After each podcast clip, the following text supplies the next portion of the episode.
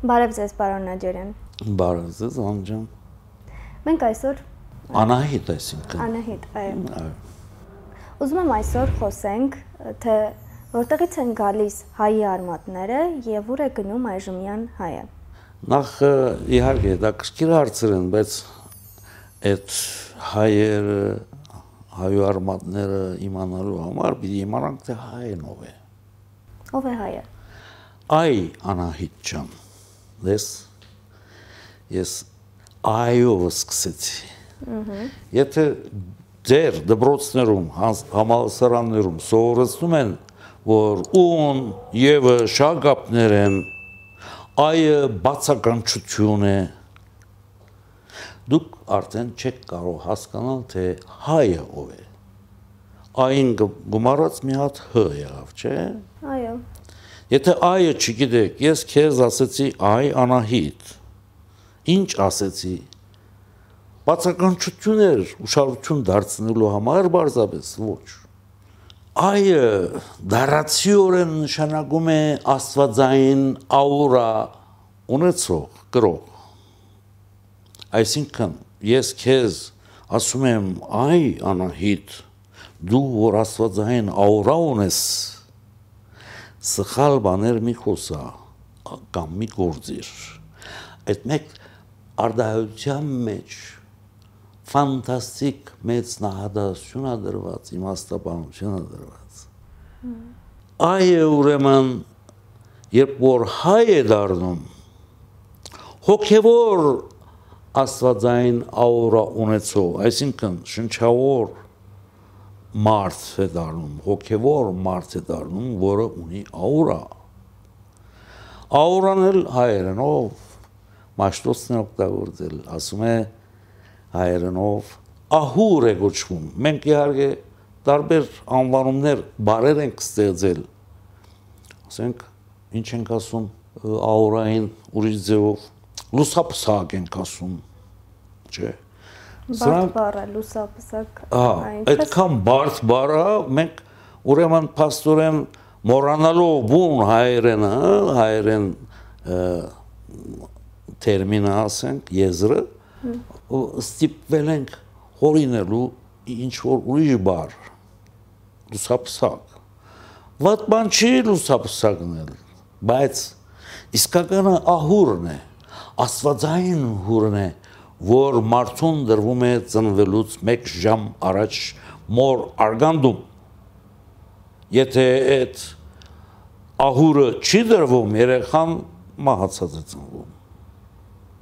կարող է 9 ամիս, 9 օր, 9 ժամ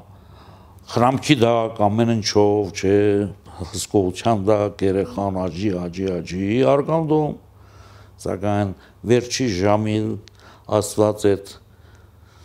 անցագիրը, պասպորտը չդա իրեն եւ երեխան իրավունք չստանա այս աշխարհ լույս գալու։ Այնպես որ հոգեոր այը Աստծո կարող ենք ասել այ նաև Աստծո որդի կնշանակի այլաբանաբար Աստվածային աուրան գրողը ինքը Աստծո որդի է Իսկ ինչու են հենց հայերը Աստծո որդի կոչվում մենք համարում ենք այդպես Հիմա դեսեք բոլոր ժողովուրդներն էլ արարվել են նույն վայրում նույն ագունքից են ծնվել, արարվել եւ դարածվել աշխարհով մեկ Եթե մենք պատմությունը լավ սերվենք, աշխարհի պատմությունը եւ ոչ թե միայն ներ հայկական հայոց պատմությունը Դեսնենք որ Երգիր մոլորակը ինչպես Սուրբ Գիրքն է ասում, սկզբում ջրով ծածկված էր։ Ցամաք չկար։ Այո։ Եվ այդ վահագնի երկը որ կա, ծանոթ երկնեն, երգիր, երկներ, երգին եւ այլն։ Այո, ես այդպիսի հարց էի պատրաստել, իդեպ ինչ խորհուրդ ունի Վահագնի անասպելը։ Այո։ Սխալմամբ սովետական ժամանակաշրջանից այսկոմ այդ երկը համարում են Վահագնի ծնունդը, միշտեր Վահագնի ծնունդյան հետ կապ չունի։ Երկի մեջ Վահագնը ներկայանում է որպես պատանեկիկ, բադանիկը բադանին նոր ծնված չի կարող լինի։ Ուրեմն երկի մեջ դրված է մի խորուրդ, որը չեն ըմբռնել առհասարակ հայագետները եւ ես այդ երկի սկզբում մի հատ բառ ավելացրի որովհետեւ ամեն ինչ դեղը նստի ասացի աստված երկնում էր երկինքը երգիրը ծիրանի ծովը եւ ծիրանի ծովից բարձրանում էր եղեգնիկը հիմա մենք եղեգնիկ բառը գիտենք եղեգնի ինչ է բայց ինչ կապ ունի դա? ինչ խորհրդով է դրված եղեգնիկը այդ բանասության մեջ այդ նույն բատկերը գտել եմ ես արաբական առասպելաբանության մեջ որտեղ եղեգնիկի փոխարեն գրված է կլեմ կլեմը սայət նովա եթե գիտեք գալեմ դավտար եւ այլն գրիչ կնշանակի ավելի ճիշտ Այո, գրիչ մադիտ չի եղել այսօրվա հասկացողությամբ ածխամադիտ միգուցե եղել է, բայց գալամը գրիչ է։ Գրիչը ինչով էին պատրաստում հին ժամանակներում։ Եղեգնից տաշում էին եւ թաթխում էին թանակի կամ հայերենով այլ բառով ասենք մելանի մեջ թանակը մելանը նույն բաներն են Ուրեմն թաթխում էին եւ գրում էին։ Ուրեմն գալամը քանի որ եղեգնի էր, դրա համար եղեգնը փոխել են գալամի։ Իսկ ինչ հասկանանք, այդ ինչ եղեգնիկ էր, որը դուրս եկել Ծիրանիցից։ Մենք դիմում ենք համաշխարհային այլ լեզուների, որոնք կօգնում են մեզ բացահայտելու այնպիսի իրողություններ, որոնք այսօր մեզ ընկալելի չեն, հասանելի չեն։ Դուք գիտեք լատիներեն կամ ասենք եվրոպական լեզուներով հրաբուխին ինչ են ասում։ Վոլկան։ Վոլկանո լատիներենով։ Վոլկանոյի մեջ բառը, այդ բառը ինչ բաղադրիչ ունի։ Դեսեք ինչ քիմիա է ասա, լեզվաբանական երկներ երկին, երկներ երգիր, երկներ եւ ծիրանին զող եւ ի զողուններ զգարնիկ եղնիկն եւ ի երեկնիկի փողից ելնում էր ձուխը, հետո ելնում էր բոցը եւ այդ բոցերի վրա վազվզում էր քարտեաշ պատանեկիկը։ Հիմա վոլկանոյի մեջ վոլը հենց այդ փողն է։ Որի Բեռնից դուրս էր գալիս ծուխը առաջ հետո բոցը մենք գիտենք որ վոլկանոն հրաբուխ է այդ հրաբուխի պատկերն է դրված Վահագնի երկի մեջ երբ որ համադրում ենք հասկանում ենք որ այդ եղեգնիկը հենց ներկայացրել է հրաբուխը Պաստորեն այդ ջրով ծածկված երկիր մոլորակից առաջին հրաբուխը դուրս է բերել Վահագնը։ Ով էր Վահագնը։ Մաշտոց ասում է Աստված, որ արարեց երկինքը, երկնա երկնքում արարեց նաև երկրային երկնային հոգևոր մտավոր էակներին։ Հետո արարեց երկիրը, երկրի վրա նաև արարեց մարդ արարածին, երկրածին մարդ արարած։ Ուրեմն մեզանից առաջ երկրի արարումից եւ ձևավորումից առաջ դիեզերքում կային մեր նման մտածող հոգևոր էակներ այդ էակներից մեկը Վահագնն էր որին դիեզերքից ուարգեց Աստված երգիր մոլորակ որբեսի երգիրը դարձնի բնակելի եւ օգտագործեն երգիրը եւ ինքը իր դիեզերանով եկավ եւ երկնքում, այսինքն երկիրմոլորակը դերևս երկինք չուներ, դրա համար էլ կարմիր էր ծովը։ Երկինք չկար, որովհետեւ ծովը գույն ունենար, այլ դիեզերական լույսեր կային, որոնց ազդեցության տակ ծովը ծիրանի էր։ Եվ այդ ուրեմն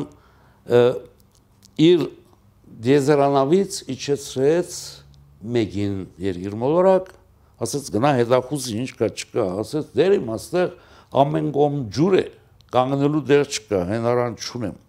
Ասաց բարձացիր, երբ բարձացավ եւ Վահագնը որպես արարիչ դες ես Աստված ասեցի, արարիչ ասեցի, ամեն կդարբեր բաներ են, մենք էլ ենք արարիչներ մեր ճապերի մեջ, Վահագնն էլ իր ճապի մեջ արարիչ է։ Եվ ինքը ջարագայթներ ուղարկեց երկրի ընդերքը ջրերի դագը։ Այդ ջարագայթների արդյունքում հրաբուխ ժայթքեց եւ հրաբուխից առաջացավ լավան եւ այդ լավան սարեց եւ դարձավ առաջին ցամաքակղզին երկրի վրա եւ շարունակապար այդ լավաները դուրս եկան ջրերի տակից եւ կազմավորվեց առաջին ցամաքակղզին մեծ ցամաքակղզին, որը հայկական լեռնաշխարհն է։ Դրա համար, երբ որ ասում ենք հայ, երբ որ Հայաստան ենք ասում, ուրեմն այստեղի բնակիչները երկրածին արարված մարդիկ բնիկներն են այս երկիր մոլորակի։ Առաջին բնիկ ազգը ժողովուրդը այս երկիր մոլորակի վրա հայ ժողովուրդն է։ Առաջին արարվածը իհարկե Ադամ Եվա հարցեր են ցակում Սուրբ Գրքի մեջ, Սուրբ Գրքը այնքան է խտացված, ամփոփված, որ մեզ կասկածների դեղիկ է տալիս։ Ադամը եւ Եվան։ Ադամի եւ Եվայի տղաները ում հետ ամուսնացան։ Մաշտոց պատասխանը շատ հստակ բարձ դալիս է։ Ասում է մեզ արարողը արարեց ոչ միայն առաջի զույգին, դրա դրանց օրինակով արարեց 10 զույգ, որը դարձրեց 100 զույգ, 100-ը 1000 եւ 1000-ը 10000 զույգ, այսինքն 20000 մարդ է արարել սկզբում, որոնց դարել է եւ դրել է այն այգում, որը ինքն է դնգել։ Երգիր մորագի այդ կազմավորված ցամաքի վրա որը դրախտներ դրախտի այգին էր Հայաստան աշխարհը ինքը դրախտավայրն է էյությամբ ամբողջությամբ բայց դրախտավայրի այդ այգին այսօր գոչվում է բասեն բասենի դաշտ եղել է հենց դրախտավայրի այգին այսօր Թուրքիայում դրան ասում են բասինլեր այսինքն նույն անունը պահպանվել է բուն բասենը Բասենը բասեինն է, եթե ուզում եք։ Բասեինը մենք ասում ենք ավազան, ջրերի ավազան, չէ։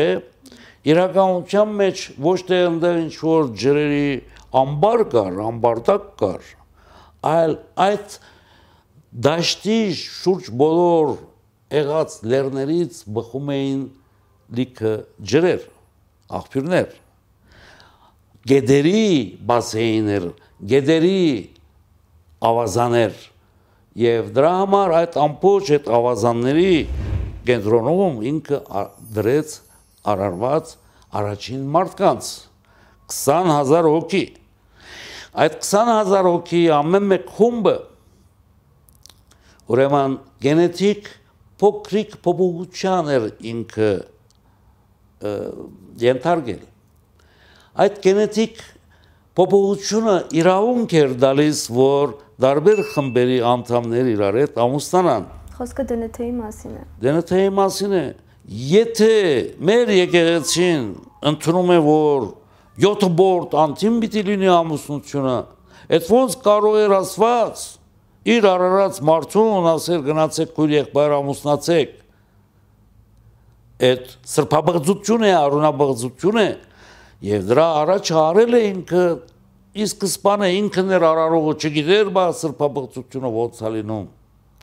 Ուրեմն 20000 հոգի, որոնցից ընդրել են Ադամի եւ Եվայի ворթիները իրենց կանանց։ եվ Ուրեմն այստեղ արարված առաջին մարդը եղել է մեր մաշկի գույնի։ Մեր մաշկը մենք կոչում ենք այսօր ծորենագույն։ Այո, այսօր ծորենագույն չենք կոչում շփախտաբար։ Սպիտակամորթ ենք ասում, բայց Սպիտակամորթ ենք ասում։ Մենք սպիտակ չենք, բացարձակապես։ Են թուղթը վրա ալա մի հատ ձեր կտիրը տխտի գողքին դրա գույնը ունենք ոչ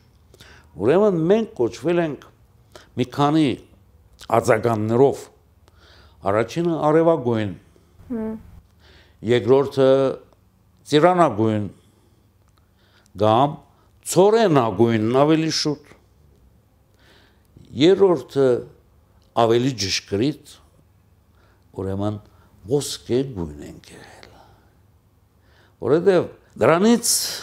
հետո արարված դրանից մենք արարվել ենք 115000 տարի առաջ 115000 տարի կյանք ենք վարել այս աշխարհի վրա դրանից ուրեմն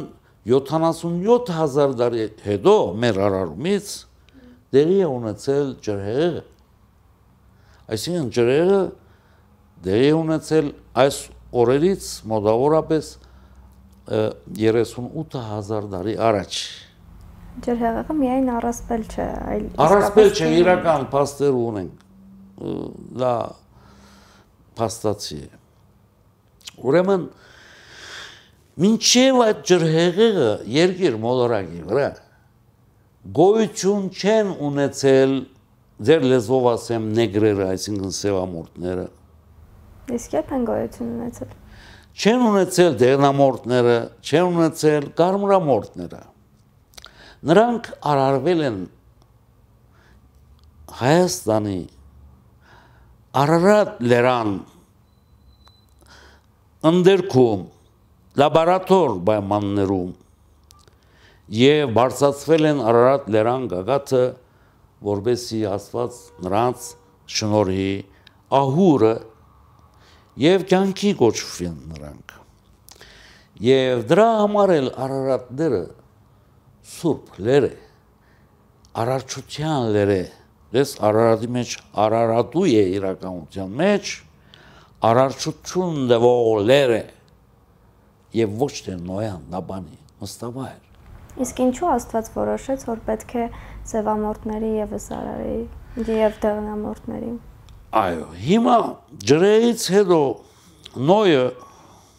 որ որպես եզերացին անհատ ոչ երկրածին արարված մարդ եւ իր ворթիները երբ որ փրկվեցին իհարկե հայկական պատմական հայկական լեռնաշխարհում փրկվել են նաեւ այս դերի բնիկ ժողովուրդը որը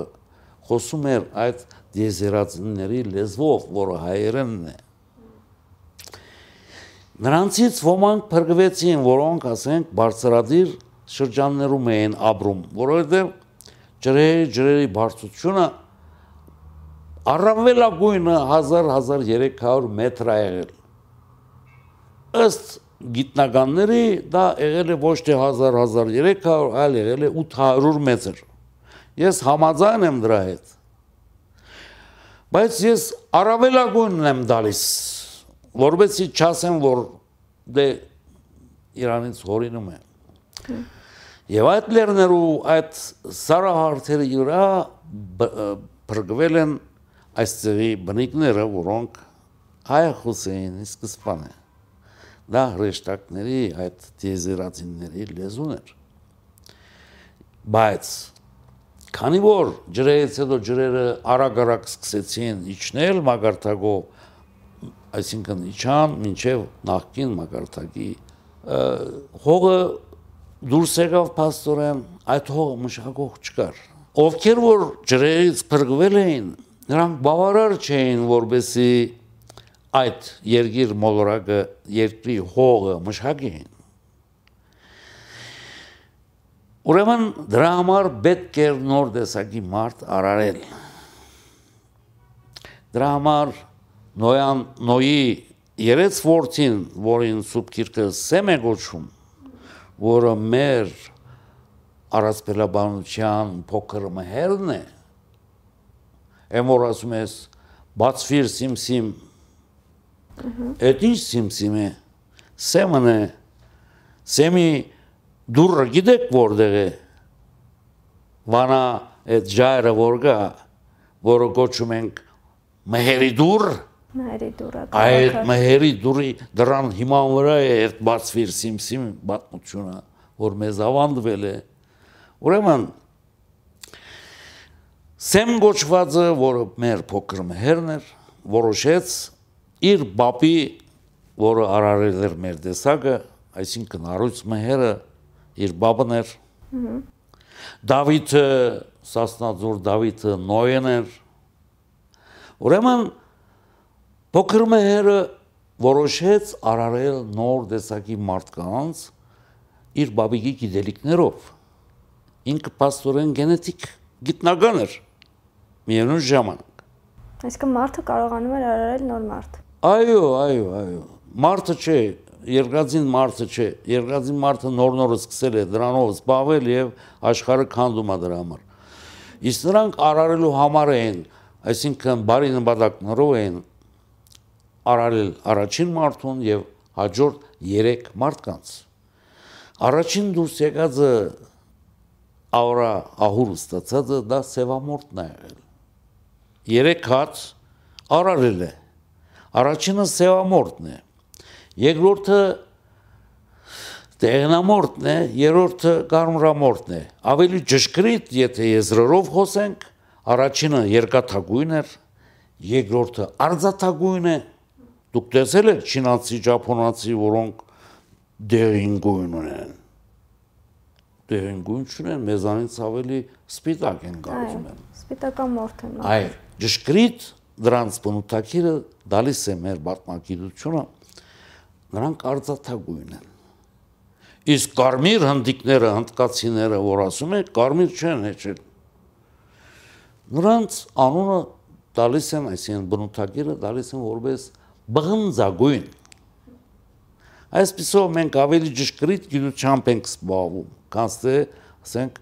ընդունված այդ եզրերը եւ հասկացությունները։ Ուրեմն ինքը արարեց Արարատի վրա այդ երեք տեսակ նոր տեսակի մարդկանց դվեց կյանքի հուրը, ահուրը աստծուց ստացավ եւ փոխանցեց եւ նրանց իջեցրեց գիտեք որտեղ Նախճավան դա Նախճավանը այսօր որ դուք ամբողջ աշխարհում եք Նախիջևան եք գոռում դա Նախճավան է եւ ոչ թե Նախիջևան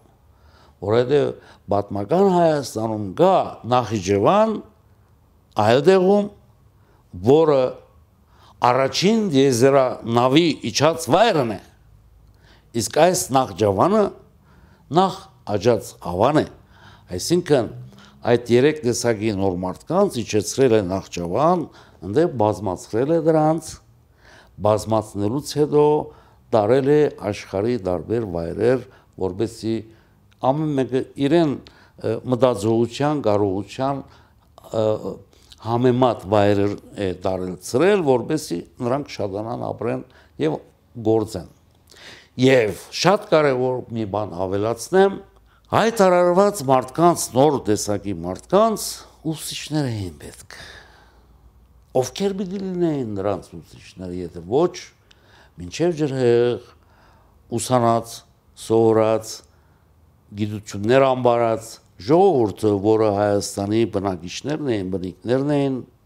ջրից փրկվածներն էին եւ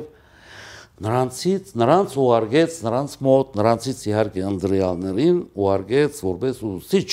իսկ ինչ լեզվով էին ուսուցանում բոլորի լեզուն նույն լեզուն էր այսինքն դիեզերացիների լեզուն որը մենք պահպանել ենք դա կոչվում է հայերեն լեզու Հիմա թե ինչպես առաջացան բարբարները ու այլ լեզուները եւ այլն, դա արդեն հասնում ենք Հայկ Նահաբեդի ժամանակաշրջանը երգիր մոլորակի սարցապատումից հետո էր, երբ որ հալուցքները սկսեցին երկրի վրա, սառույցները հալվեցին, այդ սարցապատումը դեղի ունեցավ ջրհեղից 20500 տարի հետո պատճառներ կան բնության երգիր մոլորակի ցիկլերը կան հadoop այսինքն ինքը ունի իր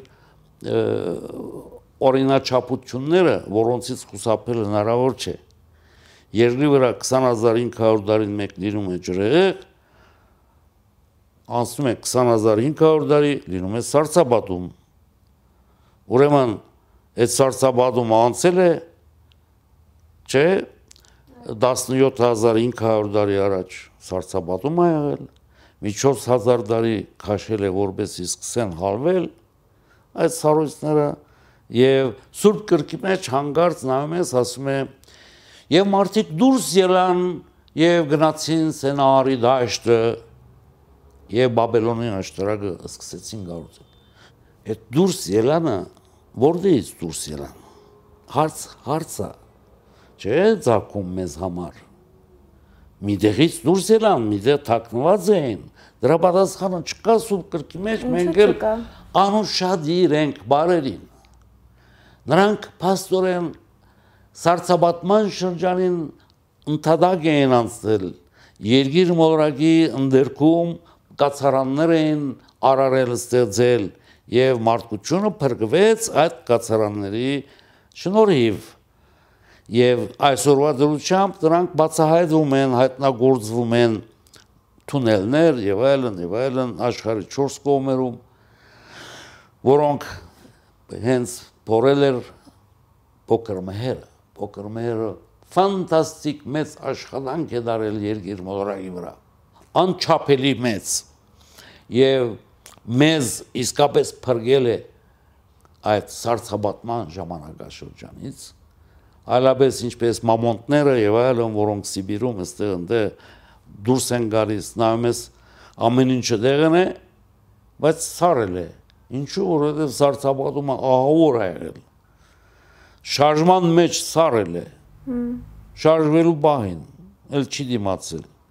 Եվ այդպես ջուների դակ, սարույցի դակ պահպանվել են դրանք։ Եվ այսօր դուրս են գալիս, գտնվում են, ասենք, իսկ մարդ արարածը փրկվել է եւ ոչ միայն մարդ արարածը, նաեւ այն ընտանիք ընտանիները, որոնք իրենք արդեն ունեին, ընտանեցրել էին մինչև ջրեղը, հա Դրանք էլ միասին բրգվել են եւ այսօր հասել են մեզ։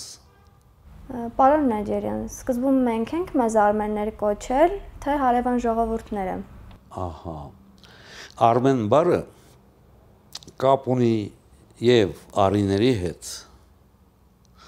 Արի մեն, մենք մենը այսօր գիտենք թե անգլերեն չէ, այդպես այդպես չի։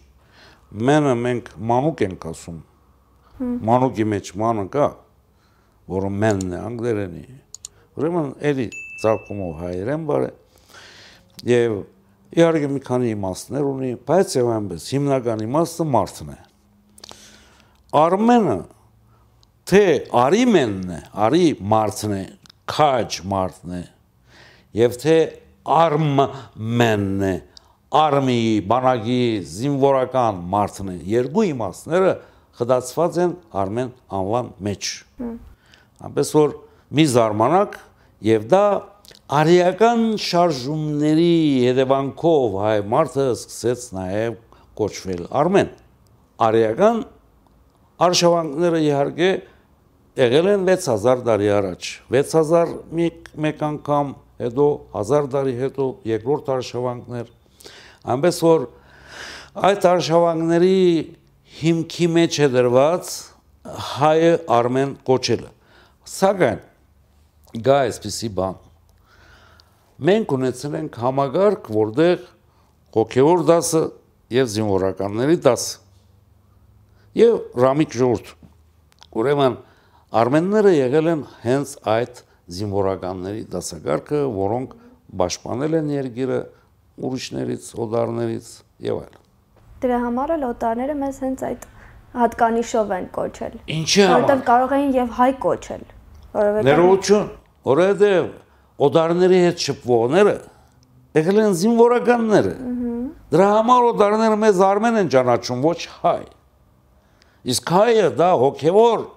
դասագարքն է, որ չեր գնում բادرազմի,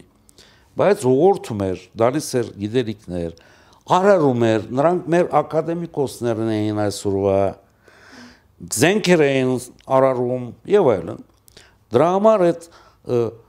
ոնց որ գիտական ուղեղը չեր կրում բادرազմի բայց ստեղծագործում էր եւ դալիս էր նյութեր միջոցներ, որբեսի զինվորականները հաղթական վերադառնան։ Պարոն Նաջարյան, իսկ Հայկ Նահապետը պատմական անձնավորություն է եղել։ Իհարկե, մեր բոլոր սասնաձրերի դյուցերը եղել են պատմական անձնավորություններ։ Հայկ Նահապետը եղել է իսկապես պատմական անձնավորություն եւ նրա ներդրումը մեր կյանքում շատ մեծ է եղել ոչ թե Հայկ Նահապետը այսօր մենք ճանաչում ենք որպես մի հատ ներդածիկ, որը ներով սպանեց Բելին, այդքան բան։ Միշտեր Հայկ Նահապետը սարցաբատման ժամանակաշրջանին երգեր մոլորակի այն որ ժողովուրդը իջավ ընդերք, այսինքն հողիդակը բնակվելու եւ պաշտպանվելու համար այդ ժամանակ ինքն է կառավարել մարդկանց կյանքը։ Այդ 4000 տարիների ընթացքում իր վերադասության դակն մարդիկ կարողացել գոյատևել, ամեն ինչ ապահովել։ Երբ որ դուրս են եկել դեպի երկրի մագերես այդ ժամանակ իջել են այդ Բաբելոնի սենար գոչվող դաշտը եւ սակայն այդտեղ մրցակցություն է գնացել նոր դարաշրջանի, այսպես ասենք, համար, թե ով պիտի կառավարի, ղեկավարի մարդկությունը։ Այդ դեպքում Բելը ով էր։ Ինչու էր մրցում Հայկի հետ։ Բելը նույնպիսի լուծազուն էր, ինչպես Հայկը։ Եթե կորենացին կարդակ, տեսնեք, որ նա էլ հսկա էր։ Սակայն Բելը երկրորդ էթափին է երևում բատմության ընթացքում, այսինքն հայգի հետ կապված այդ Բաբելոն աշտարակաշինության հետ կապված երկրորդ էթափում ինչու որովհետև ոչ այդ հայգն էր ղեկավարում այդ ամենը նույնիսկ Բաբելոնի աշտարակաշինություն գոչվածը սակայն բելը խորենացին ասում է շատերը այդ դյուցազումներից փորձեցին մենադիրություն ստեղծել երկրի վրա մոնոպոլիա այսինքն դիրակալ դառնալ իշխեն բոլորի վրա Բայց հայկը բոլորին դեմ գնաց։ Ասաց մենք հսկաներով, լուծազումներով, բոլորս հավասար ենք։ Ոչ մեկը պիտի մյուսի վրա չիշխի։ Եվ մեծ մասը, քանի որ լսում էին հայկին, ենթարկվեցին հայկին եւ չընթարկվեցին այդ բաժանարարներին այսինքն մոնոպոլիայի գնացողներին չընթարգվեցին։ Սակայն նրանցից մեկը, որը գոչվում է Բել, երականության մեջ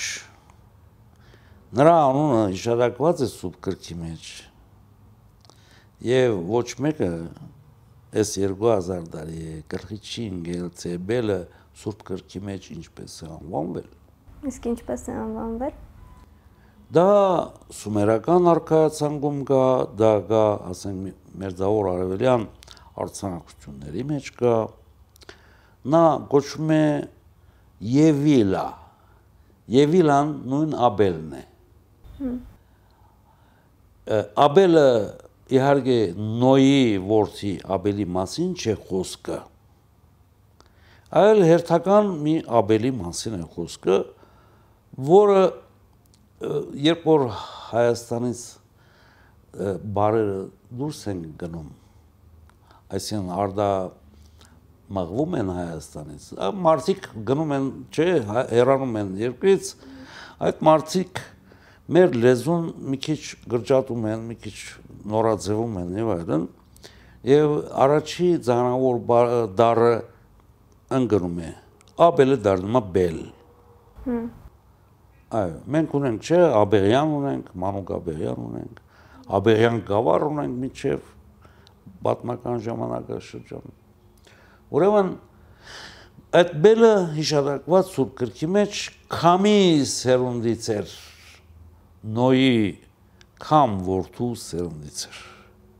կամը որին անիծեց իր հայրը որովհետև ինչ որ վատ արարքներ էր արել ավելի ճիշտը գնացել էր ոչ աստվածային ուղիով դրա համար իր որդիներն էլ նույնպիսի ճանապարհ բռնեցին եւ այդ Աբել Բելը սատանայություններ սկսեց մտածել եւ կարողացավ այդ մյուս դուցազուններին գրավել իր դաշտի մեջ ոնց ասեց դերք ջան երկրածին մարդիկ շատ-շատ են բազմացել երկրածին մարդիկ մենք ենք մեր նմաններն եկեք ասում աշխարհի 4 կողմը որտեղ որ դիեզերատիններ կան դուցազուններ կան նրանց վրա վաճառենք սրանց շատ են էլի, մեզ հանգարում են ապրել։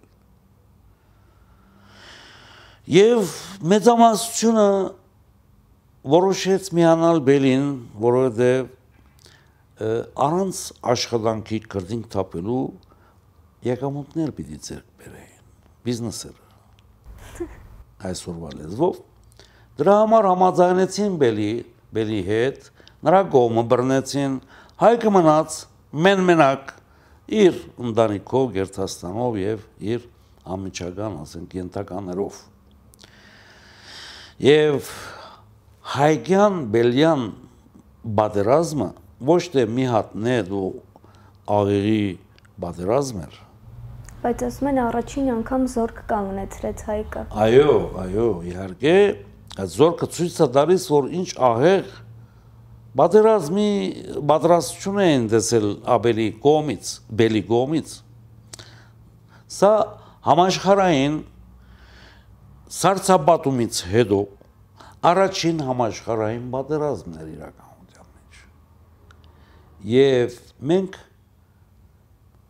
գիտենք նաև որ Բելը հասցրեց որոշ չափով երկացին մարդկանց ворթիների վաճառել այստեղ ընդ ինչպես անգլիացիները սևամորտներին վաճառեցին, չէ Ամերիկա, Եվրոպա որպես ստրուկներ, ծառաներ առնվազն։ Այդ նույնը Բելն է արել իր ժամանակին։ Սա մոտավորապես 14000 տարի առաջվա պատմություն է բայց մոտավորապես մեզ նշում են, որ Քրիստոսի 2000-ամյակ առաջ է եղել։ Այդպես են նշում։ Հիմա գիտեք ինչ է, եթե ճշմարությունն եք ուզում իմանալ, գա սումերական, ես շումերական չեմ ասում, սումերական արքայացանք, որին ուշադրություն չեն դարձրել գիտնականները դժբախտաբար, որովհետև այնտեղ նշված են մինչև ջրհե իշխող դիրակալների անունները եւ նրանց ժամանակակցությունը աղովրոսը իշխեց 36000 տարի մյուսը իշխեց 40000 տարի մյուսը 20000 տարի եւ այլն